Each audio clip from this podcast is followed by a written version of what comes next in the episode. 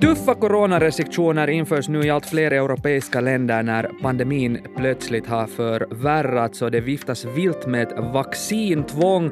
Frustrationen över att vår frihet begränsas igen har lett till rekordstora coronakravaller i Österrike, Nederländerna och Belgien.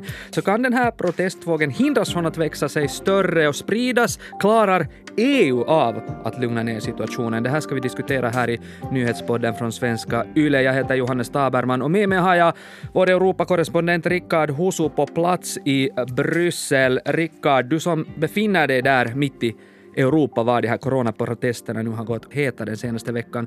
Vad är det riktigt som får folk att bli så här arga att man drar ut på gatorna och förstör saker och, och till och med attackerar polis? Det finns nog säkert många bakomliggande orsaker, men den gemensamma nämnaren förstås bakom de här protesterna är det att människor är väldigt frustrerade för tillfället. Den här coronapandemin har pågått redan en lång tid och det har ju varit hela tiden en vågrörelse där man har skärpt antingen de här restriktionerna eller sen öppna samhället. Men nu fanns det säkert en förhoppning bland många att man nu kunde gå mot mer öppenhet och då så inte har blivit fallet så är många besvikna. Sen finns det säkert andra bakomliggande orsaker också. Många är kanske ute för att uttrycka ett mer allmänt missnöje som kanske inte direkt har med coronapandemin att göra och sen som vanligt så finns det tyvärr också de som helt enkelt utnyttjar möjligheten att vandalisera och ställa till med bråk. Mm. Jag menar, jag förstår bra folks frustration. Jag är själv också coronatrött och jag vet inte, hur är det med dig? Jag är väldigt coronatrött vid det här laget. Precis, vi, vi, kan säkert vara eniga om det här, de flesta av oss. Men att jag menar, att ta till våld är ju en helt annan sak ändå än att bara vara liksom frustrerad och trött. Var den här liksom protestvågen väntad som, som vi nu ser?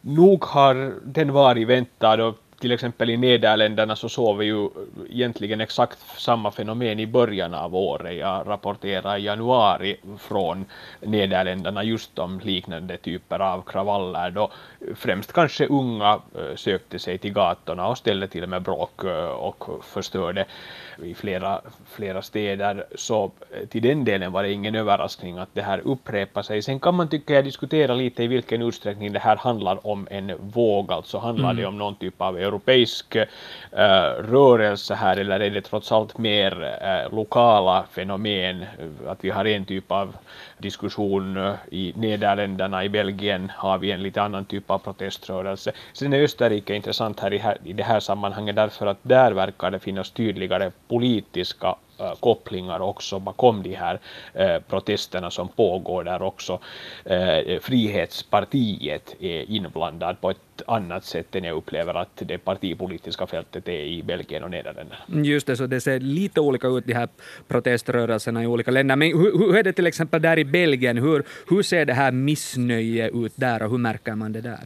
Vi hade ju under helgen 35 till 40 000 människor på gatorna här i Bryssel som eh, demonstrerade. Här ska naturligtvis läggas in brasklappen att det förstås var en minoritet av de här demonstranterna då som tog till våld och eh, förstörde byggnader och, och annat. Majoriteten var ändå ute, ute för att demonstrera fredligt och det här är en bråkig skara demonstranter med. Det finns alldeles vanliga familjer som är missnöjda med de här restriktionerna som kan ha principiella invändningar mot de här inskränkningarna av friheten och eh, sen finns det kanske sådana just som konstaterat som mer utnyttjar tillfället och, eh, och då vill ställa till med eh, förstörelse.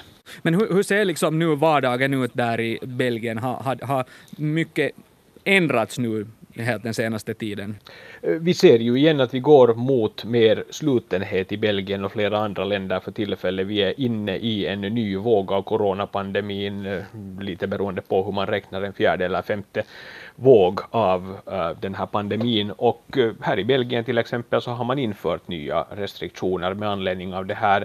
Hälsovårdens kapacitet är igen hårt prövad, ungefär en tredjedel av intensivvårdsplatserna är för tillfället upptagna, ungefär 650 platser är upptagna för tillfället och sammanlagt 2000 och man har ju väldigt dåliga erfarenheter i Belgien av vad som händer då man överskrider intensivvårdens kapacitet. Då ställs man inför väldigt svåra, eh, svåra beslut. Så nu har man helt enkelt blivit tvungen att skärpa de här restriktionerna en aning. Kanske framförallt det att det igen finns en rekommendation om att man ska distansjobba fyra dagar i veckan. Så det är väldigt tomt ute. Rusningarna som vanligen präglar gatubilden här i Bryssel både på morgonen och på eh, eftermiddagen så de har så gott som försvunnit då människor jobbar hemifrån igen. Det är en sån här praktisk konsekvens av, av de här eh, restriktionerna. Mm, lite samma börjar man märka här i Finland nu också. Men, men jag menar de här protesterna har ju förekommit i många länder nu runt om i Europa, men det är just främst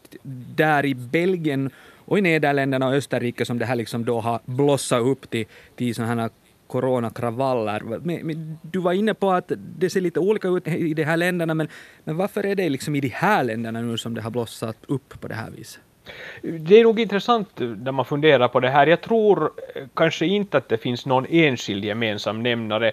Möjligen kanske det att de här länderna då ändå har varit förhållandevis svårt drabbade, men om man tittar till exempel på Nederländerna så har ju inte restriktionerna där varit alls lika hårda som till exempel i grannlandet Tyskland eller Belgien för den delen. I Belgien kan vi säkert konstatera att en bakomliggande orsak är det att, att Belgien förstås hör till de värst drabbade länderna i världen där vi har haft månader av lockdowns som då har verkligen nog eh, tärt på människors tålamod om man säger så och de psykiska konsekvenserna av de här eh, nedstängningarna så börjar nog säkert också märkas nu i form av olika typer av samhälleligt eh, illamående. Men tror du att vi kommer att se liksom en sån här protestvåg sprida sig till, till fler länder? Ser du något tecken på det här? Det är inte alls uteslutet att vi kommer att se samma typer av demonstrationer, kravaller också i andra europeiska länder. Gemensamt är väl just det att tålamodet är prövat nog i många länder och om man igen blir tvungen att gå in för restriktioner, nya nedstängningar så kommer nog säkert människor att, att reagera på motsvarande sätt. Mm. Europa är nu den, den kontinent som, som är värst drabbad av den här nya coronavågen. Vad är riktigt förklaringen till det här? Jag menar, det är ju inte länge sedan som Europa höll på att öppna upp helt och hållet och folk firar sin nyvunna frihet och nu, nu står vi på något sätt plötsligt här. Det handlar nog om vaccineringarna i, i, i, stort sett. Alltså, trots att man nu har fungerande vaccin tillgängliga så är inte tillräckligt många vaccinerade. Det är ju det som är det tragiska i det här sammanhanget. Ännu för några månader sedan så hade vi ett problem med det att det inte fanns tillräckligt med vaccin, att medlemsländerna kunde hänvisa till det att man nog skulle vaccinera och att människorna skulle ta vaccinet om det skulle finnas vaccin tillgängligt. Nu finns vaccin tillgängligt och problemet är det att, att tillräckligt många inte har låtit eh, vaccinera sig. Det kom just färska siffror om att, att under 70 procent av EUs eh, befolkning är vaccinerade och det här betyder att det ändå finns tiotals procent av befolkningen som då löper risk att insjukna allvarligt och då sprida det här viruset också till andra. Så den här vaccinationsgraden måste upp. Eh, problemet är det förstås att alla de här lätta fallen, de som då är positivt inställda till vaccin, sannolikt redan har tagit det här vaccinet och nu måste man verkligen kämpa med varje procentenhet för att få upp den här eh, vaccinationsgraden. Och här är det visst Östeuropa som är det stora problemet. Eh, där har folk vaccinerats minst det är väldigt stor skillnad, det är anmärkningsvärt faktiskt. Man ska förstås inte dra alla länder över en kam, det finns variationer här, men sådär grovt taget så kan man faktiskt säga att eh, vaccinationsgraden är högst i Västeuropa. Faktiskt råkar det vara Portugal som har klarat det här uppdraget bäst, där så gott som hela den vuxna befolkningen är vaccinerad. Och sen har vi i östra Europa eh, länder som till exempel Bulgarien och Rumänien där mindre än 50 procent av befolkningen är vaccinerad, där den här vaccinationsgraden verkligen släpar efter. Och det här skapar ju en stor obalans på EU-nivå som också kan ha inverkningar till exempel på den här diskussionen om man kan upprätthålla den fria rörligheten inom EU i samma omfattning som nu eller om man blir tvungen att gå in för nya typer av åtgärder och restriktioner här. Eh, just den här eh, vaccinationsproblematiken har ju bland annat eh, lett till att nu Österrike, som har varit mycket i rubrikerna, då regeringen där har meddelat att man kommer att stänga ner samhället igen och införa vaccintvång. Hur ensam är Österrike om att resonera i de här banorna, eller kan vi liksom vänta oss att fler länder tar till, till sådana metoder? Den diskussionen förs ju nog i många länder, kanske inte så kategoriskt att vi talar om ett tvång att vaccinera hela befolkningen, men till exempel i Frankrike, också här i Belgien, så har man talat om att eh, hälsovårdspersonalen borde eh, vaccinera sig och man har också vidtagit åtgärder för att gå i den här riktningen. Eh, så säkert blir man tvungen att fundera på den här frågan också i, i många andra länder, men sen handlar det förstås om en stor principiell avvägning där man också inkräktar väldigt mycket på människors självbestämmande rätt. Och vid gårdagens Europaministermöte här i Bryssel så var ändå många ministrar av den åsikten att man i första hand måste eh, pröva andra eh, metoder och försöka få den här eh, upplysningen då att nå människorna och få människornas tillit till myndigheter att öka innan man då börjar tala om tvångsåtgärder. Ja, här, här, också här i Finland så har ju diskussionen närmast handlat om, om att, att införa ett vaccinationstvång för vårdare, men ett allmänt vaccintvång verkar nu helt uteslutet. Men jag funderar, att ser du någon principiell förändring i den europeiska pandemipolitiken nu när man talar om att coronan är en pandemi för de ovaccinerade samtidigt som de här tuffa restriktionerna ändå riktas mot, mot alla, också de vaccinerade? Det är naturligtvis någonting som man blir tvungen att fundera på mer Eh, om det är så att det här pandemiläget förvärras och man blir tvungen, trots att man har en relativt hög vaccinationsgrad, trots att man har tillgängliga vaccin, om man igen blir tvungen att stänga ner samhällena, så blir det förstås en diskussion där den här vaccinerade majoriteten kanske inte är beredd på, i samma utsträckning längre då att gå med på att begränsa sitt liv i, i samma utsträckning på grund av den här minoriteten som då inte tar vaccin. Mm.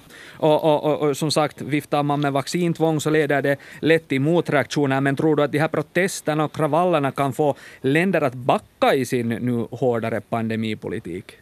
Det tror jag inte. Där, där tror jag att, att de som tror att det här kan leda till att regeringarna backar så tänker jag nog fel. Utan snarare om man lyssnar på tongångarna den här veckan från regeringarna till exempel i Nederländerna, Belgien, också i Österrike så har ju nog beskedet varit det att man fördömer de här kravallerna och det grösta och den här skadegörelsen som hänger ihop med det här och, och våldet. Så om man tror att man ska lyckas få regeringarna att byta kurs med att gå ut på det här sättet så tror jag man tänker fel. Nå, vad kan då EU göra för att på något sätt lugna ner situationen? Kan EU på något sätt agera domare och blåsa av spelet innan det spårar ut? EUs utmaning under hela den här coronapandemin så har ju varit det att eh, det ändå är medlemsländerna som sitter i förarsätet då det gäller dels hälsopolitiken som beslutar om hur till exempel vaccinationskampanjerna ska utföras på nationell nivå, i vilken ordning befolkningen ska vaccineras och så vidare. Medlemsländerna beslutar också om sina egna gränser, det vill säga vem som har tillträde in i ett land och på, på vilka villkor. Så EUs roll här har ju snarare varit koordinerande. Det som man förstås från EUs sida, kommissionens sida hela tiden har betonat är det att EU-länderna borde försöka agera samstämt, det vill säga ha en gemensam linje och att det ur medborgarnas synvinkel blir ett stort problem om vi till exempel ser en situation där en tredje vaccindos blir obligatorisk i vissa länder medan andra länder eh, endast har två doser som en rekommendation och hur ska det här till exempel då gå ihop med EUs eh, covid-intyg? Hur påverkar det här resandet mellan olika EU-länder? Här kan vi ha ganska stora utmaningar framför oss. Ja, man har till exempel EU då någon uttalad syn på, på den här frågan om vaccintvång? EU har nog ingen uppfattning om det här ännu, ännu tills vidare. Jag tror nog att man aktar sig för att, att börja diskutera tvångsåtgärder från EUs sida. Det finns en stor risk också för att den här typen av ställningstaganden kan ha motsatt effekt och kan bidra då till att de som har en skeptisk inställning till vaccin upplever att samhället institutionerna EU vänder sig mot dem och det kan bli kontraproduktivt. Precis. Hej, tack för den här rapporten om läget i Europa, Rickard Hosu på plats i Bryssel. Jag heter Johannes Taberman, fortsätt lyssna på oss.